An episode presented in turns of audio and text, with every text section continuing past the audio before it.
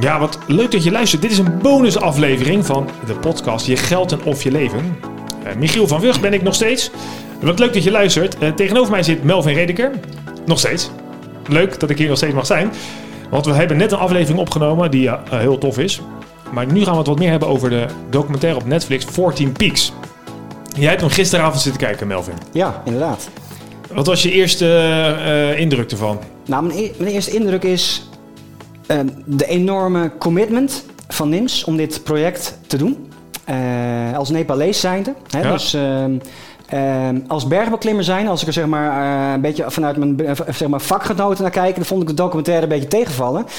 Maar er zitten heel veel pareltjes in. En die pareltjes wil ik graag uh, even toch hier Die gaan, die gaan we zo bespreken. Nou ja, want dat is, die zijn wel echt ook... Er zitten ook hele mooie lessen in, zeg maar, voor dagelijkse, onze dagelijkse leven, vind ik. Dus, uh, ja, precies. Nou, misschien voor de mensen die dan de eerdere aflevering niet geluisterd hebben. Melvin is avonturier. Die duikt tot grote diepte in de ijskoude zee. Maar is ook een begenadigd bergbeklimmer. Dus die weet ook uh, precies hoe dat dan werkt in zo'n zo'n hoge berg. 14 peaks. Nou ja, het gaat over 14 pieken. 8000 meter... Uh, en hoger, die uh, NIMS in dit geval binnen zeven maanden beklimt en daarmee een bepaald record vestigt. En dat uh, wordt gevolgd in een Netflix-documentaire die dus wel het moeite waard is om te bekijken. Alleen al voor de beelden en de heroïek die er wat mij betreft in zit. Ja. Maar goed, Melvin, jij keek daar en naar met, toch een, met, ja, met een aantal mooie lessen en een aantal bijzondere verhalen. En tegelijkertijd vond je het ook wel een Amerikaanse documentaire. Maar goed, zo wordt het ook gemaakt. Maar kun je ons meenemen? Eerst misschien eens even, waarom is dat uh, die 14 Peaks, is dat zo'n ding in de bergbeklimmingswereld? Is dat iets bijzonders? Nou, er zijn 14 bergen van 8000 meter of hoger. Ja. En uh, het beklimmen daarvan is altijd een uh, soort van gezien als ja, de ultieme prestatie in het expeditieklimmen. En Reinhold Messner is de eerste klimmer die daar ooit in is geslaagd. Ja. Uh, Reinhold Messner heeft ook heel veel grenzen verlegd. Uh, eh, ook grenzen van echte grenzen van het onmogelijke. Is bijvoorbeeld uh, degene geweest die als eerste de Mount Everest heeft beklommen zonder gebruik van kunstmatige zuurstof. Hè, dus zonder gebruik van zuurstofflessen. Dat is en, bijna al onmogelijk. Ja, in die tijd dacht men echt van, hè, er waren ook artsen die op tv verklaarden van, nou, weet je, die Messner die, die gaat nu dood, hè, dus dit gaat hem niet lukken. En toen lukte hem dus wel. Dat deed hij samen met Peter Habeler overigens, ook een hele goede klimmer natuurlijk. Ja. En daar heeft hij echt gewoon het onmogelijke laten zien. Hè? Dus uh, ja, dat is echt geweldig. Het is echt, echt een top. Uh, maar was hij ook niet de eerste die die 14 pieken uiteindelijk beklom? Ja, hij is ook degene, de, de eerste geweest die al die 8000 heeft beklommen. En daar heeft hij 16 jaar over gedaan. Uh, ik zeg daar wel, hè, mensen denken ja dat is lang, hè, want die uh, NIMS die doet het nu in zeven maanden. Ja. Maar is even de context. Natuurlijk, uh, in die tijd, het materiaal was veel slechter, veel zwaarder. klimmen op hoogte was echt nog niet zeg maar zo in, in de structuur zoals die er nu is voor commerciële expedities. Ja, ja, hè, dus hij was echt, echt pionier en heeft ook echt echt grenzen verlegd. In de zin van dat hij als eerste ook solo naar de top gegaan van Mount Everest is. Hè. Dus het solo de top beklommen. Ook via een nieuwe route. Hè. Dus ja, en ook nog een keer uh, als eerste zonder gebruik van artificiële zuurstof. Kunstmatig gebruik van zuurstof. Ja, weet je, dat is waanzinnig. Hè. Dus uh, die man heeft zoveel gepresteerd. Het is mooi dat hij ook in de documentaire zit. Ja, echt heel mooi. Ik vond dat hij een hele mooie uitspraak had. En die wil ik graag meteen even aanhalen. Dus, uh, hè, want dat is echt dat hij aangeven, ja, weet je, we zijn in ons leven iedere dag een stap dichter bij de dood.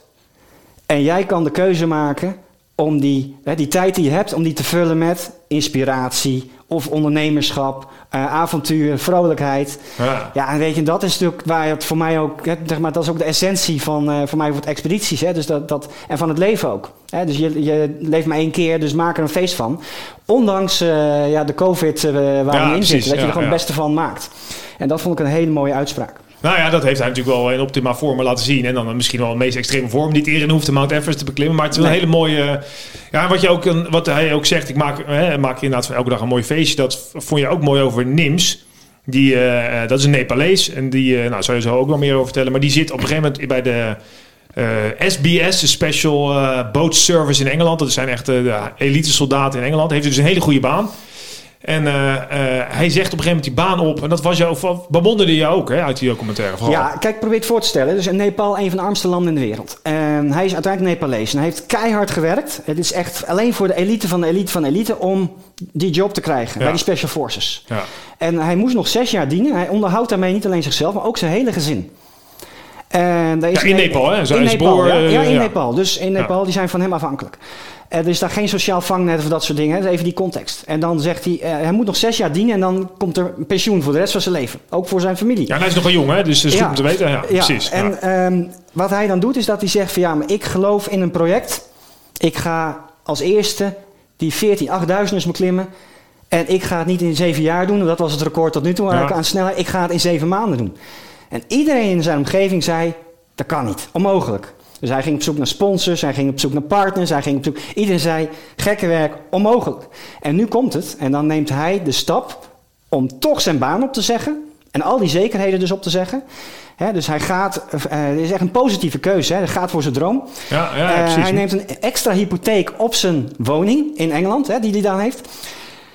En ja, hij financiert het dus gewoon zelf. En dan zie je dus, naarmate natuurlijk ook eh, hij, hij- dat project bezig is, hè, project POS, hij zegt ook, iedereen zei het is un- impossible. En ik noem het dus project possible. Ja, precies. Hè, dus, ja, eh, ja.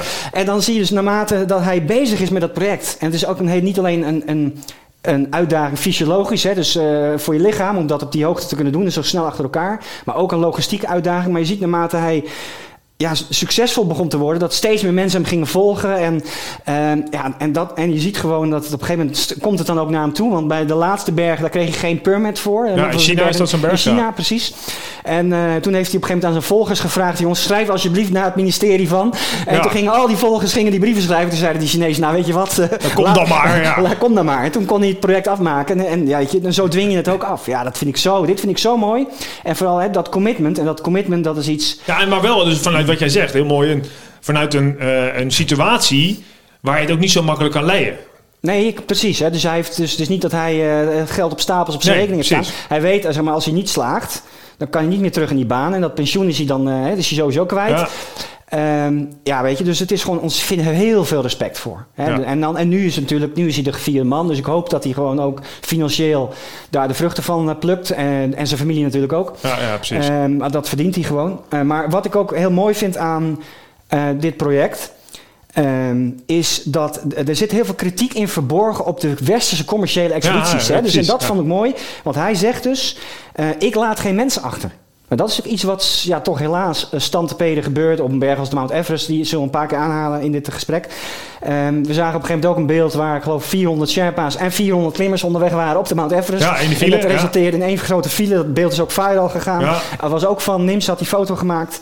Ja, dat is natuurlijk een beetje, ja, weet je, eh, compleet gekhuis. En ik denk dan als klimmer, waarom willen jullie allemaal naar die berg toe? Er zijn zoveel mooie bergen in de wereld. Waarom? Weet je waarom ga je daar aan de file staan? Ik begrijp het niet.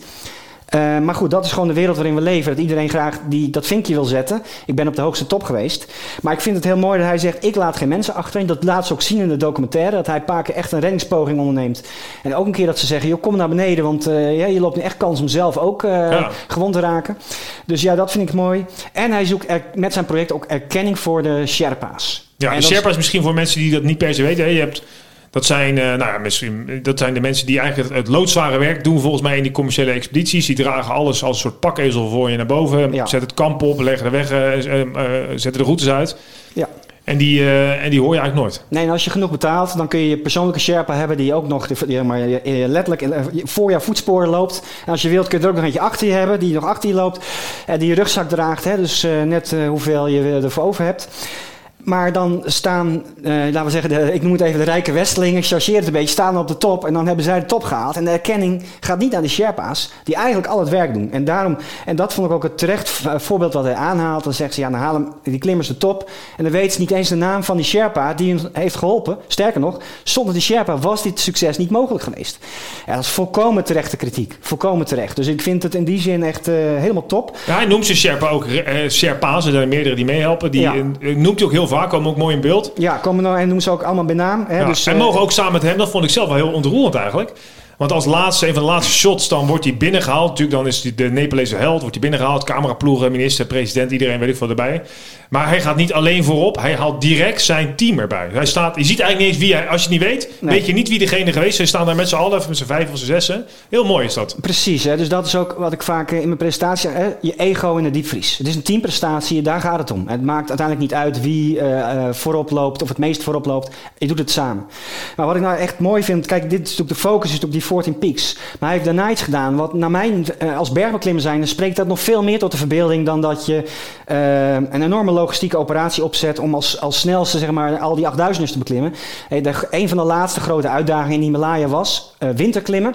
En de K2, hè, dus de ene hoogste berg op aarde, hè, dus ruim 8600 meter hoog, die was nog nooit beklommen door een mens in de winter. En er waren heel veel teams, uh, westerse teams, de meest elite van de elite klimmers hebben zich daar op stuk gebeten. En sommigen ook een leven daar verloren. Ja, en hij komt daar dan met een team. En hij gaat al, een team van weer alleen maar Sherpa's. En er zitten ook westerse expedities. En ontstaat wel een soort competitie natuurlijk van nou, wie gaat het redden. Maar uiteindelijk, ja, weet je, zij zijn gewoon zo sterk. En probeer je het voor te stellen, um, 8600 meter. Um, we hebben het in de winter over temperaturen 45 graden onder nul, 50 graden onder nul. En wat ze dan doen, hoe ze de top bereiken, dat vind ik het allermooiste. dus vaak is het zo dat degene die voorop loopt, die komt dan op als eerste op de top. Maar hij zei, nee, dit is echt voor Nepal, dit is voor de Sherpa's. Dus ze zijn allemaal in die kou onder de top op elkaar blijven wachten. Want er is altijd tempoverschil. Hè? Dus ook bij Sherpa's zijn die allemaal even sterk. Ze op elkaar blijven wachten, zijn gezamenlijk hand in hand uh, zingend. Het, het, het, volkslied hebben ze zingend, zijn ze de top opgelopen. Dat hebben ze ook gefilmd, kun je vast wel ergens op YouTube vinden. Ja, dan zeg ik, dat is zo vet. Hè? Dan zeg ik hier van, um, dit is het, de ethiek, de stijl is hier dus gewoon net zo belangrijk als ja, de top zelf. En dat is gewoon, dit is ook waar klimmen om gaat. Dit is de essentie van bergbeklimmen voor mij. je doet het samen en de stijl waarop je het doet is net zo belangrijk als de top zelf. Maar dit is diep respect. ja, precies. Nog veel meer inspiratie als je dan uh, nou, letterlijk de ego in die vries heeft gezet daar op die berg. Maar dan met elkaar uh, eer geeft aan ook wie, uh, wie er toekomt. Ja, dus dat, dat, dat is echt zo mooi. En dat, daar, daar gaat het voor mij om. Dus, ja, als je dan nog maar als soort van leek naar die, naar die nou, wat is filmdocumentaire kijkt, dan zie je hem een aantal dingen doen waarvan ik al in kan schatten dat het bizar is. In de 48 uur 3 8000ers beklimmen. Kun je eens meenemen als je zo'n berg, ja, 6, 7.000, maakt allemaal niet uit, zo hoog beklimt. Wat doet het überhaupt met je fysiek? Nou, wat er gebeurt is, uh, door het zuurstoftekort, uh, je hebt, uh, boven de 5.500 meter wordt je lichaam compleet uitgehold. Eigenlijk op 5.500, dat is ongeveer de hoogte van de meeste basiskampen van 8.000. Je zit zo rond de 5, 5.500 meter hoogte. Uh, zelfs als je daar dus gaat zitten, je blijft daar zitten, dan takelt je lichaam af. Dus, en, en, door het zuurstoftekort krijg je ook ehm, bijvoorbeeld dat wondjes, die genezen niet meer. Hè? Dus wij, uh, tijdens mijn eigen expedities meegemaakt dat je dan een klein sneetje hebt in je vinger. Ja, dat blijft zes weken lang. Als je, als je, vinger stoot, gaat het opnieuw bloeden. Het geneest gewoon niet meer. En pas aan het eind van de expeditie, als je naar het dal gaat, dan zie je als het in een dag is het weg. Dan is, het, is het dicht. Dan zie je het effect van hoogte.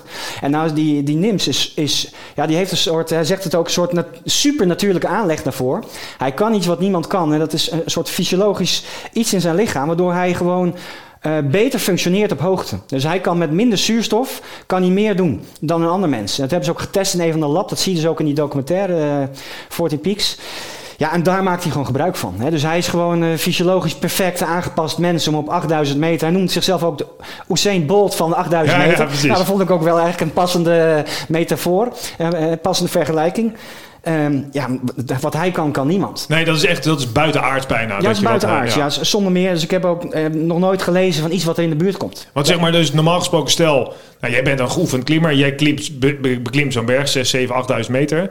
Uh, hoe, hoe, lang moet je dan weer eh, normaal gesproken herstellen om de volgende te kunnen beklimmen? Ja, ik, ik klim geen bergen van 8000 eh, tot uh, 7000, maar dan wel uh, verticaal. Hè, dus een ander, ander soort klimmen. Maar, hoog, maar, even als effect van die hoogte. Hè, dus als wij terugkomen van de expeditie, heb ik gewoon zes weken nodig om bij te trekken. Ja, precies. dus, en dan ben ik niet eens op 8000 geweest, nee. maar hè, dus net geen 7000. Ja, weet je, en dan zie je dus, en, en, ja, daar is, wordt echt het verschil door hem gemaakt. Dat hij gewoon zo snel herstelt ook, zo aangepast is. Ja, dat is wel echt uniek. En het is wel heel mooi om uh, te zien, zeg maar, ja, waartoe het menselijk lichaam dan uh, in staat is. Maar niet alleen het menselijk lichaam, ook met de juiste mindset. Want daar gaat het natuurlijk ook om. Ja, absoluut. Ja, ja geloof dat dingen mogelijk zijn. De Mission uh, Team Possible heet hij zichzelf. Ja. Wat ik me ook nogal, waar hoor je ook al vaak mensen over, daar gaan we verhalen over. Dat zeg je net ook al aan het begin, dat op een gegeven moment komt hij iemand tegen die op de berg alleen ligt en die, ja, die is gewoon achtergelaten. Ja. Die leeft dan nog en uh, voor mij haalt u de een terug. Dat lukt en eentje niet. Dat, Ja, dat, lukt, ja, dat is te, te laat, zeg maar. Maar wa- waarom gebeurt dat? Ja, kijk, dat is, als, we hebben het nu weer over bergen van 8000 Ja. meter, de commerciële expedities. Eh, daar is het toch een beetje van eh, ieder, ieder, eh, ieder voor zich en, eh, en eh, zeg maar, eh, God voor ons allen. Hè? Dus dat is toch een beetje.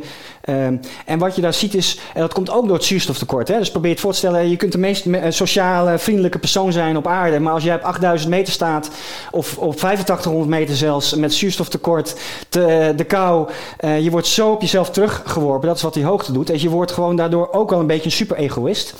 En dat is, hè, je gaat echt, komt helemaal, helemaal terug op jezelf teruggeworpen. En als je dan eh, denkt van ik ben niet meer in staat, het is nu echt van eh, ik of hij, ja, dan kies je voor jezelf. En dat betekent dat teamleden dus worden achtergelaten. En dat gebeurt er dus ook ja, helaas te vaak op, op die 8000ers. En dat zag je dus hier ook gebeuren, dat een teamlid in zijn eentje, waarschijnlijk omdat hij de rest van de teamleden niet bij kon benen. En dan op een gegeven moment raakt er iemand achterop. En dan op een gegeven moment eh, zakt hij in elkaar. En dan, eh, nou ja, en dan, en dan gebeuren er dus ongevallen. En dan is er niemand om zo iemand te ondersteunen. En die Nims die kwam nou dus voorbij. Dat zie je in die documentaire. En die komt dan één iemand tegen. Ja, en die probeerde hem dan toch te, te redden. Dat is één keer wel gelukt en één keer niet gelukt. Eh, maar ja, Extreem hoor. ja, dat is natuurlijk gewoon keihard. En, en voor mij is het ook niet waar. dit is ook niet hoe ik klim. Hè? Even heel duidelijk. Wij beklimmen ook om die reden niet dit soort bergen. En ook niet via commerciële expedities. Dat is bij- in mijn soort expedities. Het hele team op de top of niemand. Dat is eigenlijk net als wat Nim zegt. En eh, dat betekent ook dat je gezamenlijk veilig naar beneden komt. En eh, als iemand halverwege ziek wordt of wat voor reden ook niet mee kan, dat betekent dat we ook als team de beslissing nemen: we gaan terug. Om iedereen weer in veiligheid Ja, te brengen. precies, ja. En je laat iemand niet creperen. Maar helaas is de, de realiteit weer bastig. En dat is, betekent dat op de berg als de Mount Everest, eh, nou ja, K2, eh, Chaoyu, nou, noem ze maar op. Die 8000 is waar veel commerciële expedities zijn nu. Ja, dat er gewoon regelmatig mensen aan een lot worden overgelaten. En eh, ja, dat zou niet zo moeten zijn. Ik vind het ook beschamend, zeg ik er heel eerlijk bij. Ja, oké, dat snap ik, ja. Hey, en nog even misschien als richting een beetje het einde zo, maar het hoeft niet. Maar kijk, als jij, eh, jij had het net over in de andere eh, aflevering die we opnamen, en de, de vertical mile die je aan het beklimmen was, die uiteindelijk dan eh, niet, Niet beklommen, nee. Uiteindelijk niet, vanwege Nee. het gevaar. Ehm, maar je beklimt wel hele hoge bergen, zes, eh, ruim 6000 meter, is gigantisch. Maar kun je eens, het lijkt op tv namelijk, ja, dat is natuurlijk eh, eh, misschien door, door tv, het lijkt bijna een soort van makkelijk. Je denkt, joh, nou die top zit verderop, loop even door, weet je wel, de ben je er. Ja. Maar kun je meenemen van, als je op zo'n grote hoogte zit, boven die 5500, waar je gaat aftakelen, elke stap is waarschijnlijk een soort sprint of zo. Wat, wat, hoe, hoe, hoe gaat dat? Nou, ik zou bijna willen voorstellen, maar dat, eh, dit is even advies wat je niet moet opvolgen. Maar ik zou bijna zeggen, weet je, trek een plastic zak over je hoofd, knoop hem dicht en probeer maar eventjes eh, een paar keer de trap op te lopen. Gaat je niet lukken. Hè, dus niet doen hoor, natuurlijk. Eh, Nee, precies. Hè, maar het is gewoon, op een gegeven moment is het gewoon, het is gewoon, en dat is wat Reinhold Messner dus ook al zegt in de docu. Hè, dus het is echt pijn lijden, vanaf begin tot het Ja. eind. Door de kou, te weinig eten, te weinig drinken. Maar je, wil- je verbruik, hè, dus je lichaam verbruikt een maximale hoeveelheid energie. Dus daar is enorm veel wilskracht voor nodig om, dat, eh, om daar tegenin te kunnen vechten. Ehm, ja, dan heb je natuurlijk altijd de omstandigheden op de bergen, stormen en dat soort dingen. Ja. Ja, plus dat tekort aan zuurstof, ja, dat heeft een enorme impact in ook zeg maar, hoe je beslissingen neemt. Dus dat betekent dat ook als je te weinig zuurstof hebt, dat je misschien veel eerder opgeeft. Of de ander die wordt misschien wel een super-egoïst. En de ander die zegt van nou, ik ga er gewoon bij zitten en ik doe niks meer. En dat gebeurt dus ook, hè, dat klimmers gaan. En die, eh, ja, die sterven daar dan, als ze dan niet worden geholpen. Ja, dus dat, dat maakt het gewoon zo uh, Dat kun je eigenlijk als, als, als, als kijker niks van voorstellen. kun je niks bij voorstellen als jij denkt van nou ik zou heel anders reageren in zo'n situatie. Zeg ik forget it. Dat weet je pas als je in die situatie hebt gestaan, dan weet je pas hoe je gaat reageren. Ehm, het is natuurlijk wel zo dan, als je dus hè, als je voorbereidt op zo'n expeditie, kun je natuurlijk wel met die visualisatietechnieken waar we het in de vorige Ja. eh, podcast over hebben gehad, dat je natuurlijk wel kunt trainen van als mij zoiets overkomt, hoe ga ik dan reageren, waardoor je mogelijk toch het juiste doet. Hè, maar, dat, maar dat, ja, het, het is zo eh, ja, hard, je wordt zo terug op jezelf eh, geworpen. En als je een goed team hebt, op je team, Ehm, ja, en dat is eh, voor mij, dat maakt het ook mooi. Hè? Dus dat, Ja. eh, dat is. eh, Ja, dan, dus kijk, grote is natuurlijk de beloning uiteindelijk. Ik bedoel, die reis naar die top is waarschijnlijk aan zich al heel bijzonder. En eh, maakt het eigenlijk nog uit... Als je die top nou niet bereikt, dan heb je zelf ook al, dat zei je net in die andere aflevering, ja, het lukt gewoon niet altijd, weet je. En dan hebben we een keuze gemaakt, we gaan terug. Is het dan toch nog een mooie expeditie geweest? Ja, ik heb een expeditie gehad die was complete frustratie van begin tot het eind. En het kwam ook omdat het in het team niet eh, lekker liep. Ja, dat is dus heel belangrijk. Hè? Ehm, ja, en dan, wordt, eh, dan toen kwam ik ongelukkig thuis. Ik heb een expeditie gehad, dat is die Vertical Mile, die Tjangabang, waar ik het net over had. Ja, weet je, we hebben alles gegeven. Uh, team was top, uh, materiaal was top, we hebben een goede beslissing gehad. Ja, op een gegeven moment, soms moet je meerdere erkennen in de natuur. En dan moet je gewoon blij zijn dat je weer levend in het basiskamp ja. staat. En met opgeheven hoofd uh, loop je dan gewoon naar het dal. En gewoon gezegd van, joh, ik heb een fantastische tijd gehad, ik heb alles gegeven. Dit was het, weet je wel. Dus en we zijn er nog en we kunnen gewoon weer een nieuwe uitdaging aangaan. No worries. Ja, precies. Ja. Dus, dus, dus hoe je dat beklimt is misschien nog wel belangrijker dan dat je uiteindelijk eens bereikt. Ja, dat is zeker. Dat is in het moderne klimmen is de stijl net zo belangrijk als de top. Ja, als ja. het resultaat zijn. Ja. Het, uh, dat zou in het leven ook mooi zijn. Ja. Als het meer zo gaat. Ja, zeker. Ja. Dus inderdaad, meer, uh, ja, meer, meer, meer lief zijn voor je medemensen. Hè. Dus we zien al die uh, rellen natuurlijk. We zitten nu, we nemen het op in, in de COVID-pandemie. En denk van jongens, laten we nou wat. Het is al moeilijk voor men, heel veel mensen. Laten we nou wat liever naar elkaar zijn. Lief en, en onze frustratie een beetje. En daar kun je dus weer aan werken. Hè. Je frustratietolerantie. Hè, dat, dat kun je of met een coach of nou ja, hè, daar zijn allerlei methoden voor. Maar uh, ja, we moeten allemaal uh, heel veel slikken. Hè? Dus ons incasseringsvermogen, daar wordt nu echt enorme aanspraak op gedaan. En, en dat is interessant. Hè? Dus zeggen mensen van... Uh, ik krijg heel vaak de vraag van... ja, weet je, dus ze laten elkaar daar liggen en ze, ze maken er ook een zootje van. Hè? Daar word ik vaak op aangesproken. Dus zien ze die ze dan film zeggen... ja, het wordt een bende daar op de Mount Everest. Zeg oké, ik snap dat je dit zegt. Maar probeer je nou even voor te stellen... er is een demonstratie op het Malieveld. Gewoon, en er staan overal vuilnisbakken. En dan gaan al die mensen weg... En heb je dan wel eens gezien wat voor een pokkenband het is? Dus als wij hier op zeeniveau dit al niet kunnen, verwacht je dan dat ja, mensen het op 8000 meter ja. wel kunnen? Met zuurstoftekort, kou, weet je wel. Dus het begint niet daar. Het is vaak wordt omgekeerd. Hè? Van nou, het moet daar, moet het goed. En dan daarna, nee, het begint hier op zeeniveau. Hè? Hier moeten wij... En daarna, Normaal functioneren. En dan, en, en dan kunnen we het daar ook uh, naartoe exporteren. Het is omgekeerd, naar mijn mening. Hè? Dus we moeten vooral naar onszelf kijken hier op zeeniveau. En als we het daar mooier doen en beter, ja, dan uh, gaat het daar ook wel veranderen. Hey, nog even, uh, twee dingen dan. Uh, waarom zouden mensen wat jou betreft die 14 Peaks überhaupt moeten bekijken? Ja, het is, het, is een, het is een film. Het gaat gewoon over grenzen verleggen. Het gaat over commitment. Het gaat over een droom verwezenlijken. Waarvan iedereen zegt, dit is onmogelijk. Dat gaat je niet lukken. En uh, ja, dat is gewoon, dat zijn natuurlijk. En het is echt gebeurd, hè? Dus het is niet een Hollywood. Uh, nee, nee, zeker. Film, dat, is, nee, dat is het mooie ervan. Hè? Dus ja, dus die, en het zijn natuurlijk gewoon fantastische mooie beelden. Ja. Um, ja, het is wel een beetje natuurlijk een Amerikaanse film. Hè? Dus ik had als klimmer graag wat meer details uh, gezien. Hoe ze bepaalde dingen doen. Maar ik snap ook, Netflix-documentaire moet een bepaalde tijd duren. Dus dat kunnen ze dan niet erin verwerken. Maar het is gewoon een hele mooie, hele mooie film over ieder ondernemer, iedere manager, iedere leidinggevende. Hey, ik zou zeggen, kijk naar die film en uh, trek, uh, kijk welke lessen je eruit kan trekken uh, voor jezelf. Oké, okay, dus, tot slot, zijn er dan, als je dan denkt, ja, dit vond ik gaaf. Zijn er nog boeken, films, ideeën die je denkt, nou, kijk dat of lees dat dan eens? Ja, je hebt de... Uh, de, de Boardman Task Omnibus, maar die is heel moeilijk uh, verkrijgbaar. Dus uh, dat is de, van Boardman en Tasker. Het zijn twee klimmers en die hebben dus samen hebben die meerdere boeken geschreven. En die zijn ook bekroond in Engeland. Ja, er staan echt, dat zijn, dat zijn echt jongens die hebben echt zo de grens opgezocht. En ze schrijven daar ook heel mooi over. Hè? Dus, uh, dus, uh, en, en, dat is vaak nog wel de kunst, dan het ook gewoon goed over te brengen. Dus dat is natuurlijk een, uh, ja, dat is echt een heel mooi, mooi boek. Dus de, Omni, de Boardman Task Omnibus. En als je die niet kan vinden, dan vind je hem vast wel tweedehands. The Shining Mountain gaat over die vertical mile. Ja. Dus, dus hoe zij die beklommen hebben. de, de, de Changebang, de Shining Mountain noemen ze hem. Ja, echt een heel mooi boek. Dus, nou, en ze kunnen en uh, om dan nog commercieel een beetje af te sluiten. Ze kunnen jouw boeken voor ook een mooi verhaal over klimmen, duiken en grenzen verleggen, toch? Ja, zeker weten. Ja, Melvin Redeker, melvinredeker.nl. Ja. Nou, top. Uh, dankjewel dat ik ook uh, bij deze aflevering nog even bij je mocht zijn. Jullie weer bedankt voor het luisteren. Het was een bonusaflevering. Misschien komen die wel vaker. Um, zo niet, dan, uh, nou, dan niet. Maar dat weet je nooit. Het, is, het blijft een verrassing. Dankjewel voor de uitnodiging. Ja, superleuk dat je er was. En jullie bedankt voor het luisteren. Um, deel deze vooral. 14 Peaks. Ga ervan leren. Ga ervan uh, geïnspireerd, door geïnspireerd raken. En uh, deel deze aflevering als je het leuk vindt. Spotify en Apple waarderen. Allemaal top. Super bedankt. Tot snel. Fijne dag. Hoi.